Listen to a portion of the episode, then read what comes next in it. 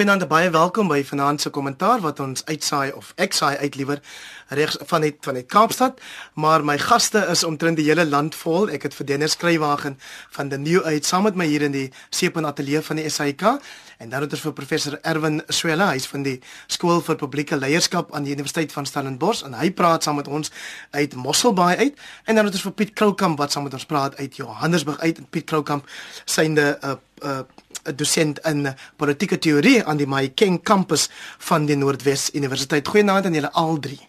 Goeienaand. Goeienaand. Kom ons begin met 'n kwessie wat ons verlede week op hierdie program bespreek het.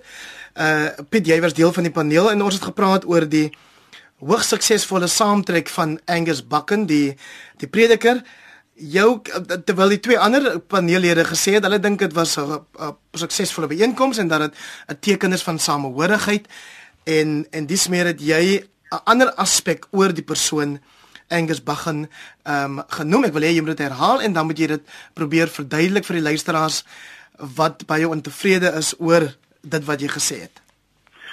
Ja, kyk ek ek het um, ek dink uh, dit dit was waarskynlik 'n suksesvolle byeenkoms as uh, in terme van dit waarvoor dit geadverteer was en ek dink ook dit kan vir baie mense uh, 'n uh, konstruktiewe geestelike ervaring gewees het. Uh, ek dink net mense moet net versigtig wees wanneer 'n uh, geestelike ervaring uh, op 'n of ander manier implikasies het uh vir die ander veronderstellings wat wat wat bestaan in die samelewing oor wat goed en reg is. Ek dink dink mense moet tog uh, dit is uh, Angus Bakken het by geleentheid gesê dat uh dat uh, gay mense of uh, homoseksuele mense uh deur hom reg gebid kan word en dat uh, hy dit kan doen en sal doen. En ek dink dit is 'n dit is 'n verskriklike ding om te sê en uh mens moet ook die geestelike boodskap in daardie konteks sien en dan het hy ook ander andere gesê dat Suid-Afrika met 'n Christenstaat word. Nou ons is 'n konstitusionele staat.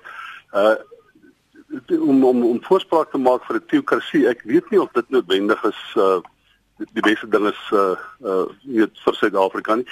En dan die ander ding is um, ek dink ek het dit ook gesê op die program dat uh 62 tot 64% van alle huishoudings in Suid-Afrika is daar net een groot mens en 50% van die gevalle is daardie groot mens ehm um, nie eers 'n biologiese ouer nie. So ons sit met geweldige uh uh familieprobleme in Suid-Afrika en in die meeste van die gevalle is daardie huishoudings word deur vroue bestuur. Die, die werklikheid is dat uh Angus Bakken se oproep dat mans moet verantwoordelikheid neem as hoof van die huishouding uh is nie korrespondeer nie met die werklikhede in Suid-Afrika nie en ek dink ook nie dit korrespondeer met die werklikhede van ons grondwet nie waar vrouens en mans dieselfde status moet geniet eerder as wat 'n uh, man die hoof van die huis is en 'n vrou is op 'n vorm van van van van maar onderhewig aan sy gesag. Ek ek dink ek het en ek het verstaan uit 'n teologiese agtergrond uit uh, sy argument en ek weet dis 3000 jaar gelede in die Bybel het dit sin gemaak maar ons leef in moderne tye. Ek ek dink nie ons waar vroue gelyke regte behoort hy sulke uitsprake te maak nie en uh, ek dink sy uh, uitsprake oor homoseksuele mense of gay mense is geweldig onsensitief. Uh, hy duidelik geen begrip uh, van waarvan hy praat nie. So ek ek dink net teoloë of uh, godsdienstiges of mense soos Angus Buck, Angus Bucken wat groot verhore trek met hom offer gewis vir die feite of hy moet eenvoudig net nie op daardie terrein om begeem nie. Dat dit is sensitiewe kwessies en dit is iets waarvan hy duidelik baie baie min weet. En jy sê selfs al het hy nie by hierdie betrokke byeenkoms die uitsprake gemaak waarna jy verwys nie. Nee, ek sê byvoorbeeld ek dink nie hy het enigsins oor homoseksuele mense gesê nie, maar ek moet vir jou sê om Vader se naam wil ek nie met uh, na iemand se boodskap luister wat daai vertrekpunt, daai teologiese vertrekpunt het. En ek weet hy gehaal dit uit Levitikus uit en Levitikus maak baie duidelik die punt dat dat homoseksuele mense onaanvaarbaar in Bybelse terme is. Om die waarheid te sê, uh, uh mense met 'n redelike uh, klompie elastiese verbale gimnastiek en intellektuele gimnastiek gimnastiek moet jy toepas om uh, aanvaarding te kry vir homoseksuele mense enigstens in die Bybel. Maar ek ek aanvaar dat baie Christene het aangepas en gesekulariseer en betrokke geword by moderne konsepsie van uh van die samelewing en van in van uh weet geslagsvereistes en geslagsidentiteit.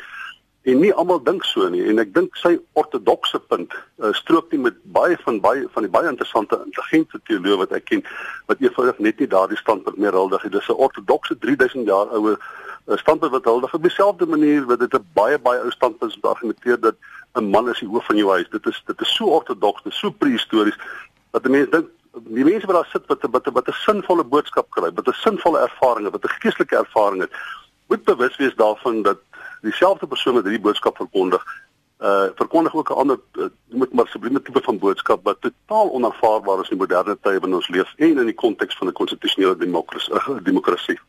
Erwin Swela, die werk wat jy doen is om die demokrasie te bevorder. Wat is jou reaksie op wat Piet Krookam te sê het oor wat 'n gebedsaamkoms was? Kom ons begin net deur te sê dat een van die fundamentele waardes van enige ehm um, stel sinvolle menslike uh, interaksies is die idee van verdraagsaamheid. Nou ja, as 'n mens met uh, bepaalde standpunte uh, voortgaan wat onverdraagsaamheid uh, uit verskillende hoeke bevorder, dink ek, is dit 'n probleem. Suid-Afrika spesifiek dink ek het veel meer verdraagsaamheid as onverdraagsaamheid nodig. Uh, tweedens sou ek my nie graag wil inlaat oor die teologiese aspekte hiervan nie. Daar's 'n klomp aspekte wat natuurlik uit die teologie, maar ook uit ander ideologieë, uit bepaalde wetenskapsbeskouings ehm um, bepaalde implikasies het dan vir vir vir menslike optrede vir beleid uh beleidsmaking vir regeringskunde. Ehm um, uh, wat ek wel weet is is dat uh ehm um, uh, laat ek dit miskien ook persoonlik sê die die die die tipe soort van ehm um, sê maar die sosiologie van hierdie beweging is nie spesifiek my stel geloofs-oortuigings nie. Ehm um, terselfdertyd moet 'n mens dan gaan kyk dat daar is darm nie net een boodskap nie. Ehm um, daar was 'n uh, 'n klomp mense daar wat kom uit 'n 'n verteenwoordigende groep. Uh, dit in alle aanduidings is uh, omtrent 60 tot 70% van Suid-Afrikaners Suid-Afrikaners ten minste nominaal Christelik. Hulle het die goeie reg om 'n byeenkoms te hou. Uh, en en op die byeenkoms dink ek self was daar 'n hele aantal boodskappe. Ehm um, en dit is so dat uh, sommige van die boodskappe wat uh, mense kan hou en in die geval spesifiek uh, meneer Angus Bakken uh, mag vir sommige mense ontstellend wees. Terselfdertyd dink ek by die byeenkoms ehm uh, is daar uh, na my mening en sover as wat ek dit kon waarneem 'n klomp positiewe en konstruktiewe dinge ook gedoen daar was 'n groot uh dink ek uh stel uitgangspunte wat gesê het ons moet nuwe antwoorde kry en dit word gedoen binne 'n bepaalde denkraamwerk of 'n paradigma. En ek kan nie uh my van enige en ek het maar net tweedehandse berigte gelees oor die oor, oor die byeenkoms. Um enige uitsprake wat eintlik op een of ander wyse afronterend was nie. Dit het vir my geklink na 'n versoenende boodskap. So my standpunt daaroor is is dat binne die samelewing is daar 'n klomp belangegroepe. Hulle het bepaalde sieninge en as hulle hierdie sieninge op 'n vredesame manier uh gebruik om ook 'n vorm van uh samehorigheid vir die met die doel om dinge beter te maak, om dit om dit op die manier te hanteer, dink ek is dit hulle goeie reg en dan dink ek behoort 'n mens oor die spektrum heen verdraagsaamheid te hê. Indien daar dan standpunte ingeneem word en stellings gemaak word wat afronterend en konfronterend is, dink ek moet 'n mens hierdie bepaalde stellings uh um binne daai konteks jy kan natuurlik nou nie uh goed wat verkeerd is kontekstualiseer nie. Mm. Uh, uh, uh, uh is jy nog daar? Ja, ja. Goed. Ehm um, uh maar moet jy daai daai standpunte dan beredeneer weer eens met die nodige verdraagsaamheid.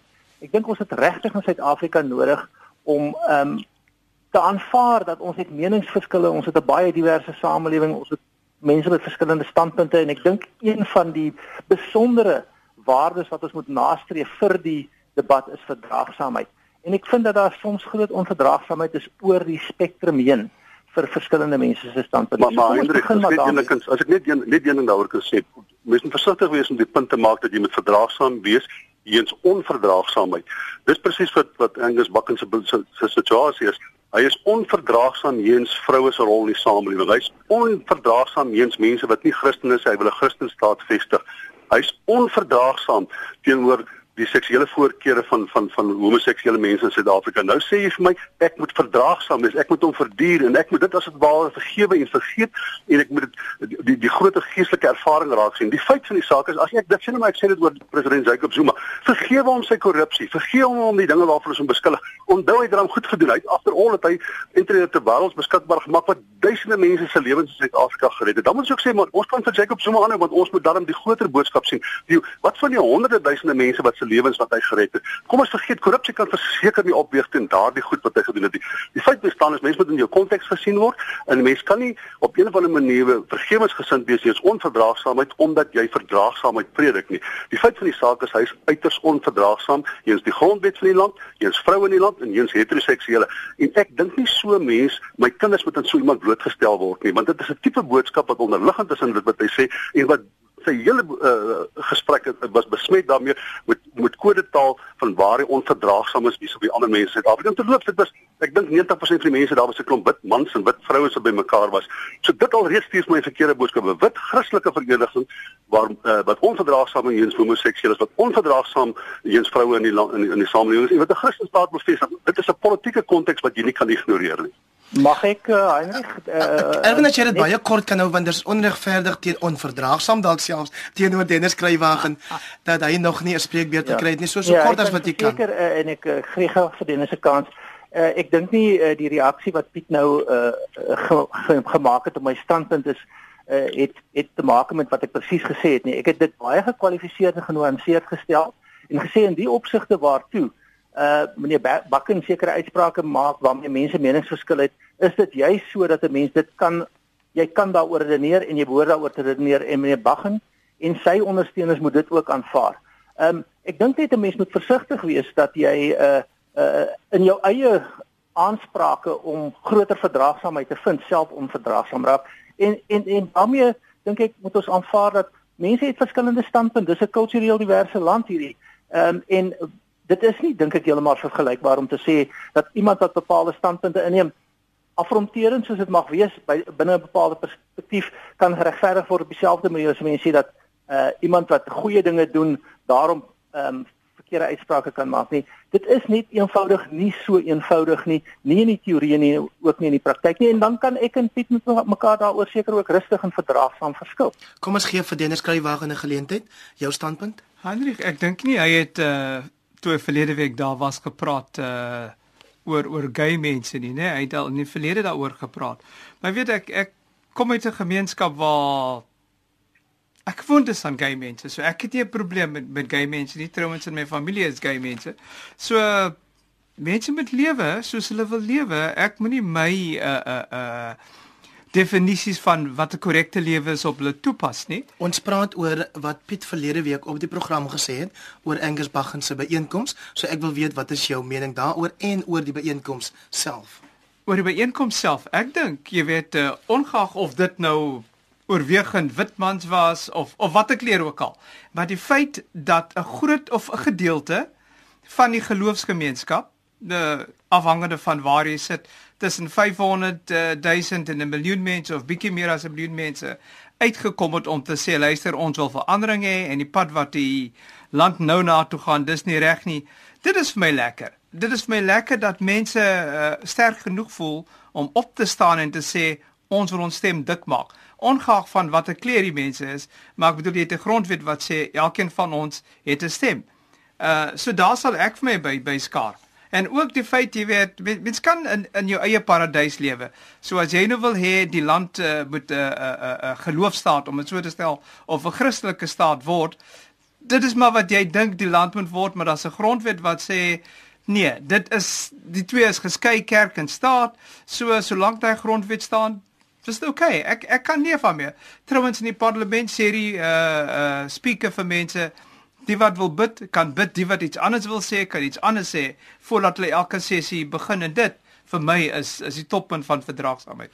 So sê Dennis Kruiwagen wat vanaand my paneel uitmaak hier op kommentaar, die ander twee deelnemers, Dr Piet Kroukamp en professor Erwin Swela. Erwin, kom ek vra vir jou eerste oor die hartseer voorvalle wat ons hierdie week gesien het by Colini uh waar daar rasse geweld was. Ek weet nie of dit reg is om dit nou al so te beskryf nie, maar uh dit na dit na aanleiding blykbaar dat 'n uh, jong seentjie wat beskuldig is daarvan dat hy of 'n jong seun wat beskuldig is daarvan dat hy of sonneblomme of blomsaad gesteel het toe nou op 'n bakkie gelaai is, afgespring of afgeval het en gesterf het en daar is nou ook twee plaaslike inwoners in die hof vir hierdie voorval. Jou reaksie daarop?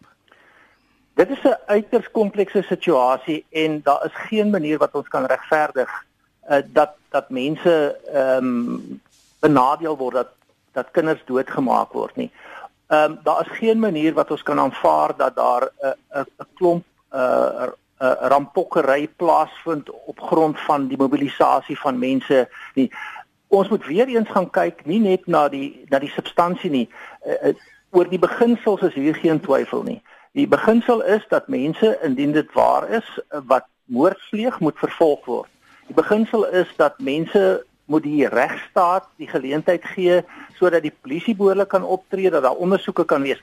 Miskien is dit 'n dilemma in die sin dat dat dikwels by die gemeenskap nou al die persepsie bestaan dat uh, die polisie se vlakke van uh vaardigheid en en uh professionaliteit is sodat geregtigheid nie geskied nie. Uh maar weer eens jy kan op geen manier die die die die die die, idee van mense wat uh, vermoor word en dan mense wat op een of ander manier dalk strafloos daarvan gaan wegkom en dan terselfdertyd die optrede om daarna uh, op 'n plundertog te gaan uh, eienaam te beskadig en weer mense in gevaar te stel nie. Dis die eerste punt. Die tweede punt is hierdie goed eskaleer in Suid-Afrika en uh, dit is ook 'n deel van 'n stuk ehm um, sê maar kultuur wat ons het van wat aansluit en ek wil nou nie die onverdraagsaamheidspunt te veel beredeneer hier nie. Maar wat, wat aansluit daarbey dat ons moet behoorlike prosesse en prosedures kry om met mekaar en met die owerhede en die owerhede met die publiek te kan werk en interageer. So wat vir my eintlik hier uitstaan is is dit is 'n simptoom van 'n dieper liggende probleem en 'n mens se vraag is is of dit nie ook opgejaag word deur die propagandistiese uitsprake van leiers wat nie net politieke leiers is nie, maar regeringsleiers. Ek sou eintlik verwag dat regeringsleiers moet op 'n manier versoenend praat. Uh, politieke leiers kan anders praat. Punt is, ons moenie hierdie soort gedrag op enige manier bevestig of ondersteun of kondoneer nie. In alle opsigte is van hierdie goed verkeerd en ander is reg en ons moet die goed reg hanteer. Anders gaan ons meer van hierdie voorvalle sien. Dit eskaleer en uiteindelik het ons 'n groot probleem daar is mense wat begin praat van die moontlikheid van 'n burgeroorlog in Suid-Afrika mag watter kragte ook al daar is ons daarvan behoede en die grootste kragte is waarskynlik in onsself geleë. Want ek weet dat vir my tragies is is daai arme kind is nog nie uitgeken nie. Jy weet daai liggaam lê daar so lank en elke een wat iets het om te sê, sê iets en probeer munt uitslaan. Maar niemand weet wie die arme kind is nie. En dit bekommer my. Waar is sy ouers? het hy ouers punt, ja. ja, het hy ouers ja. Uh, jy weet almal almal praat en almal gaan te kere en almal blameer die kant of daai kant, maar daai kind word nie begrawe nie, hy lê in 'n lykehuis en dit is vir my tragies. Dit is heeltemal onaanvaarbaar. Ja, dit kan nie bevestig die punt wat ons so dit bevestig die punt wat ons vroeër gemaak het oor die oor die toestand van familie families in Suid-Afrika dit hmm. uh, dis nie die enigste so voorval nie ek ek ek net op daai punt net sê dat ek het die Vrydag het ek het ek weer Kolinie gery en uh, ek het hier en daar met mense gesels waar gedog het dit is moontlik en veilig en onder andere het die mense my gesê dat uh, die meeste van die mense wat die plunder uh, uh, werk gedoen het was was skoolkinders geweest wat die skool verlaat het om daaraan deel te neem. So weer eens, dit sê vir jou iets van gesagsstrukture en families op die platteland en in in Suid-Afrika. En dan die ander ding is op 'n stadium met die plaaslike burgery wit boere en uh, wit besigheidsmense, hulle het die dorp afge uh, afgebaken as dit ware of uh, die strate gestop sodat mense nie deur kan ry nie omdat hulle sê dis nie veilig nie.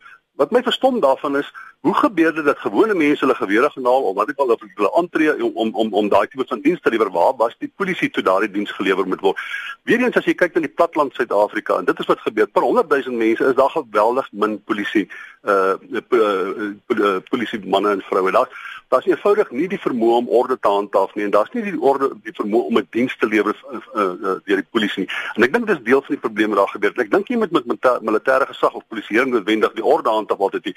Maar baie van wat daar gebeur het kan mens toeskryf aan swak beheer en beheer en en gesag van ouers uh, strukture en natuurlik ook die feit dat die polisie 'n relatiewe onbeperkte relatiewe beperkte teenwoordigheid gehad het vir minstens 'n deel van die konflik. Ek het drie dorpe, dit lyk verskriklik. Daar's omtrent niks heel nie. Ek dink die ook aan 'n paar garages aan die buitekant van die dorp staan. En die feit bestaan is, dit is vir my 'n manifestasie van baie van die dinge wat reg onder die oppervlak verkeerd in Suid-Afrika. Onkritiese denke, gebrek aan behoorlike gesagstrukture en familieverband en 'n gebrek aan behoorlike polisieering. Ek dink dis wat die die minister van polisie moet na kyk, jy weet, pleks van uh, uh, uh, so bombasties te kere gaan en hierdie uitspraak lewer en daai uitspraak lewer, kyk, rukkie polisie reg laat daar ordentlike polisieering is sodat die landsburgers vertroue in die polisie en hulle vermoëns kan kry. Anders soos Piet gesê het, dan gaan ons geneig wees om dinge sake in ons eie hande op te neem en dan is dit al ons voorland. Erwin Swela, ek gaan jou geleentheid Erwin Swela. Ek gee jou geleentheid. Erwin Swela, ek gee vir jou in hierdie programme uh, het het daar herhalende temas uh, na vore gekom. En ek dink een van die herhalende temas in Suid-Afrika waaroor ons werklik bekommerd kan wees, is die tema van soogtende instellings, uh, fatigued institutions en fatigued institutions word soogtende instellings word uiteindelik falende instellings. En ons praat nie, ons praat ook van die polisie. Ons praat ook van die die idee van die regstaat, maar ons praat ook van die gesinsstrukture. Ons praat miskien van die geloofstrukture uh dat die dat die instellings is aan die soog en jy kan met die beste wil in die wêreld en die beste individuele leierskap moontlik en denkbaar kan jy nie eintlik slaag as jy nie instellings het wat 'n konteks verskaf wat binne hierdie goed kan werk nie. Die leierskap moet die instellings versterk en die instellings moet die leierskap versterk. En oor die spektrum lyk dit asof Suid-Afrikaanse instellings begine soog en moontlik kan faal en die implikasies is werklik kommerwekkend. Piet Kroukamp ons sien juis dat die minister van polisie Fikile Mbalula en die uitgeskopte of nie hoof van die Valke Burning in Klemesa in hierdie stryd gewikkel is en eh, Dennis het nou verwys na die uitsprake die hierdie bombastiese uitsprake wat die minister maak. Wat is jou reaksie oor hierdie storie?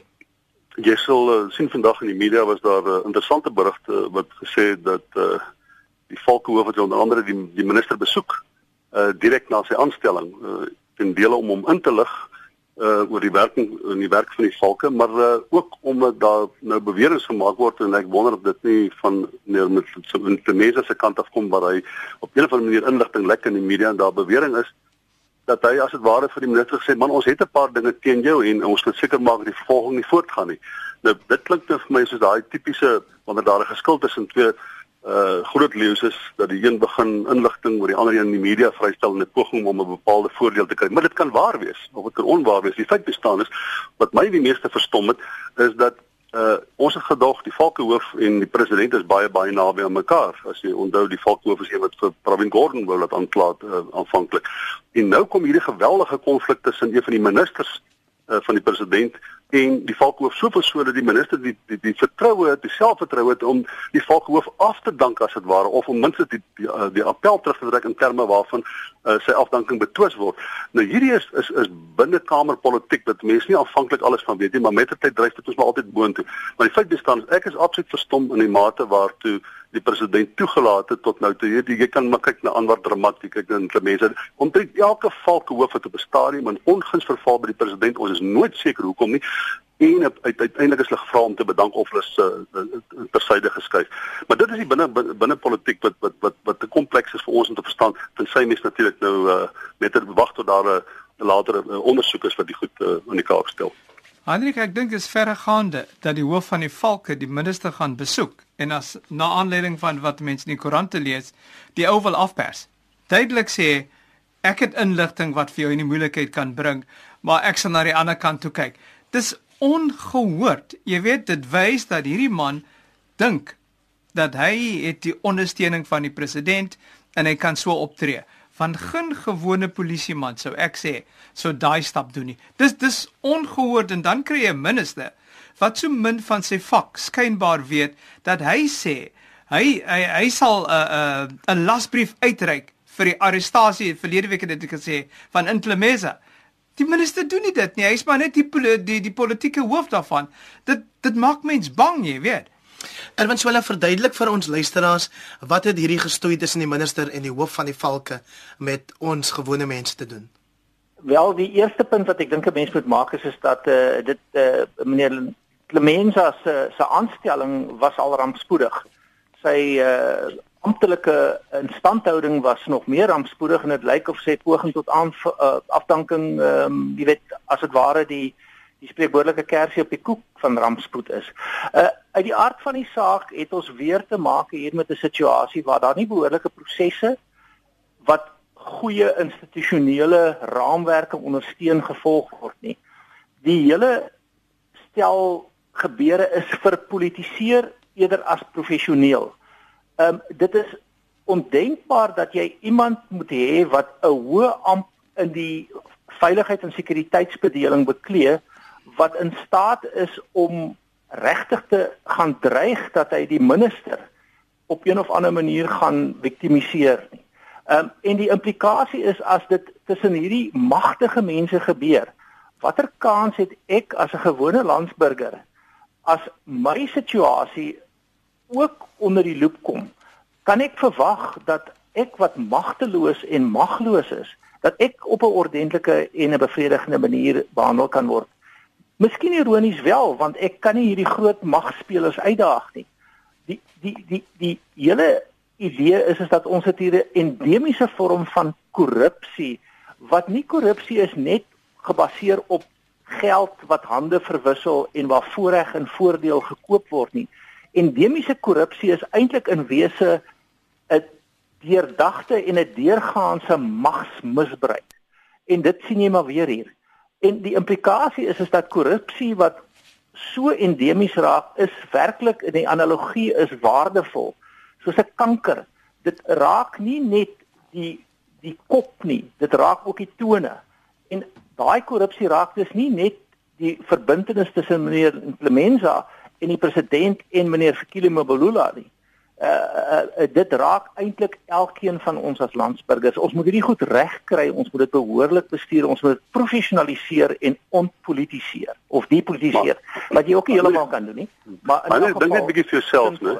Sorry, Heinrich, dink net bietjie vir jouself. Die president en Clemesa is is soos bloedbroers. En Clemesa beloof die president ek sal nooit in my lewe jou aankla vir geen rede sal jy ooit aangekla word nie. Hulle het 'n baie nou verhouding. Almal neem dit aan.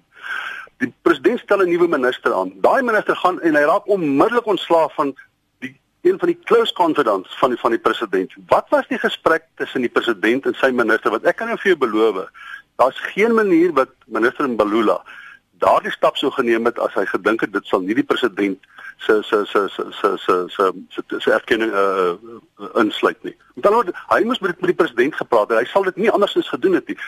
Wat was die gesprek? Dis wat is die motiverings vir die president om van Klemese ontslae te raak via sy minister? En dit is vir my die groot geheim van hierdie ding. Intussen Dennis Kruiwagen is daar 'n man met die naam Elvis Ramosebudi wat blykbaar vir die Guptas 'n brief geskryf het en ook vir die Oppenheimers. Hmm waarin hy die twee sou beloof dat hy in die geval van die Guptas hulle kon help om van sekere mense ontslae te raak wat sogenaamd deel is van die wit monopolistiese kapitaal uh groep. En dan het hy nou vir die Oppen Oppenheimers beloof Oppenheimers jammer dat hy hulle sou kon help om ontslae te raak van 'n paar mense wat radikale ekonomiese transformasie voorstaan. En die valke sê dit is 'n baie ernstige saak. Hulle los alles om hierdie ondersoek te doen Heinrich sal onthou destyds paar weekies gelede was die minister van finansies en sy adjunk was in Londen gewees en daar was 'n hoogs vertroulike intelligensieverslag wat die president gekry het en dit soveel gewig gedra dat hy van die twee ontslaag geraak het. Nou kom die valke en dis baie ernstige saak. En hierdie ou staan in die hof en hy kan nie onthou as hy die vraag gevra word of 'n behandeling gekry het vir vir geestelike siekte nie. Hy kan nie onthou nie. En dan dink jy, is dit werklik wat die valke hulle mee besig hou?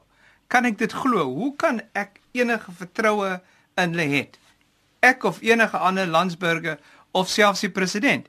Hierdie ouens kan nie ernstig wees nie. Vir my lyk dit duidelik dat die ou nie al sy varkies tuis het nie. As jy nou lees wat hy gesê het, sy Twitter uh goed was inligting op Twitter beskikbaar, bankrekeningnommer, as jy kyk hier die huisie waarin hy bly, as jy lees wat sy pa oor hom sê en dan dat hy nou jy weet soos in Engels sê hedging his bets hy hy uh nader albei kante om te sê sê maar 60 miljoen by die een en 75 miljoen by die ander een. So hy wil geld maak. Hy kan mos regtig nie ernstig wees nie en dat die volke dit ernstig opneem. Man dit het my dag gemaak. Erwin Swelle as daar sin te maak uit hierdie storie Wel, ek herinner my aan my uh, generasie het ons 'n uh, uh, uh, tydskrif gehad, 'n soort uh, satiriese tydskrif, die Mad Magazine.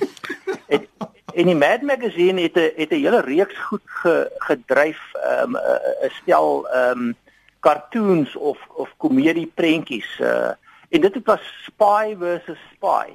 Ehm um, en uh, as 'n mens wat die goed realisties is en Piet is reg, ons voorlopige verklaringe vir hierdie optredes en die feite sal na vore kom. Maar dit lyk my as 'n mens kyk na die optrede van mense soos meneer Claudie Motsoaneng, die optrede van van hierdie meneer uh, Ramashidube of wat uh, ja, sy naam is Ramashidube, ja. Uh, ja, um, dan dan dan dan is hier 'n uh, uh, stuk surrealisme wat begin in, in insluit. En, en en onder sulke omstandighede maak eintlik bitter min dinge sin in elk geval nie op die oomblik nie ons sal later as dit ware uh direk kan kan kan begin afleidings maak. Wat ons hier het is is is teater, dis dis dis politieke teater. Ehm um, en en op een of ander manier as jy gaan kyk na die dat die gewaande intelligensieverslag wat intussen verdwyn het. Hierdie hierdie betrokke optrede van die valke. Miskien hipoteties gesproke en uh, dalk val ons nou in dieselfde valstrik het dit die die, die rede geword hoekom uh, meneer mense enigiets is moontlik afgedank. Piet Krokam, so, ek gaan regtig serialisme hier. O, julle ons het nog net so 5 minute oor van vanaand se program. Piet Krokam, ek gaan jou nie vra oor Elwes Ramos se boedie nie. Ek is te bang jy gaan iets lelik oor hom sê. Kan ek asseblief vir jou vra om te reageer ja. op Matthew Sposa wat intussen nou ook gesê het indien hy genomineer word, sal hy beskikbaar wees as ANC president.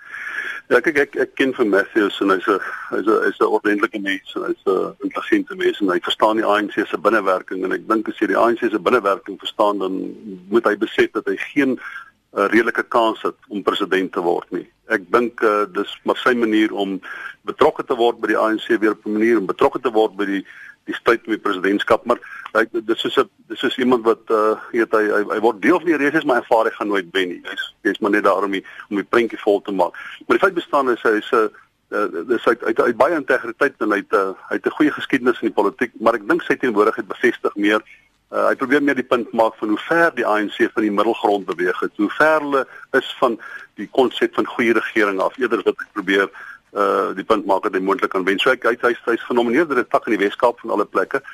Maar ek dink hy gaan nie vreeslik baie meer deur ander takke genomineer word nie. Soos hy hy het teenwoordigheid en dit maak meer 'n tipe van 'n morele punt van uh dit wat hy sê so dik was wat die ANC kritiseer die die gesprek teen korrupsie, die teen staatskaping ensovoorts. Ek dink hy verteenwoordig daai standpunt, maar die feit van die saak is uh dis 'n resis tussen uh, uh Dlamini Zuma en Cyril Ramaphosa.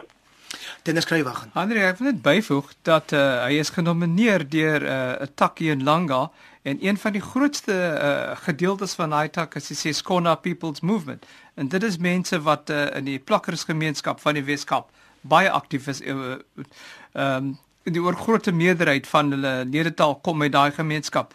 En hulle leier Andile Lili het vir verlede week vir my gesê hulle het alle vertroue in die huidige leierskap van die ANC verloor. Dit is nou almal wat daar is en hulle voel dat al daai mense moet bedank want as die ANC nou glo aan soos hulle sê collective responsibility, dan moet hulle maar nou responsibility vat en bedank. So ek ek dink dat daai mense van die armstes van die armstes in ons land verteenwoordig en daar iemand soos Piet uh, tereg opmerk met integriteit soos Matthew Sposas uitreik dit sê vir jou baie. Dit sê vir jou hulle het opgegee op huidige leierskap en dis 'n punt wat hulle maak.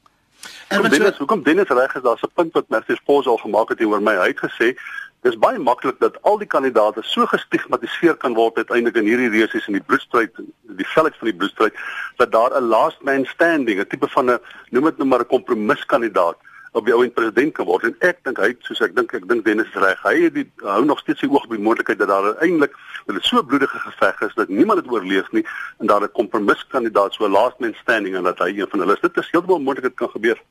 Erwin Swela? Wat ek dink ook belangrik is is, is dat sodra iemand uh, die posisie inneem van 'n kandidaat uh, kry die persoon veel meer blootstelling So binne die uh, dinamika van die ANC op hierdie oomblik dink ek is dit belangrik dat hierdie uh, stemme van uh, integriteit en groter redelikheid en ook uh, sterk kritiese ingesteldheid teenoor die huidige leierskap van die party dat dit gehoor word. Ehm um, uh, dit is waarskynlik so dat uh, daar 'n geringe kans is dat meneer Pos uiteindelik die president sal word tensy hierdie uh, effens uh, uh, kom ons sê dan magspolitiek invloed invloed uh, aspekte waarna Piet verwys waar word wat onwaarskynlik is. Maar wat ek dink tog belangrik is is dat hierdie kandidate kry 'n bepaalde profiel um, en as ek na die profiel van die kandidate kyk, um, dan dink ek het ons nodig dat mense soos meneer Posa wat 'n stem van redelikheid in die ANC verteenwoordig, wat kritiese geluide maak dat hy homself in die uh, wedloop in uh, projekteer en dat hy daarvan af die debat ook verder stimuleer.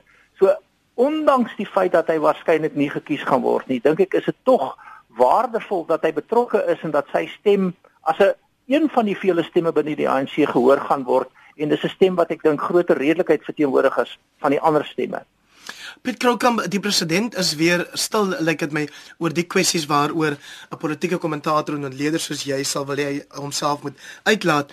Um een voorbeeld is die beklei tussen die tussen die minister van polisie en dan nou die hoof van die valke en daar is ook 'n paar ander. Wat wa, hoe hoe hoe lees jy Jacob Zuma soos wat ons vanaand hier uh, sit en gesels?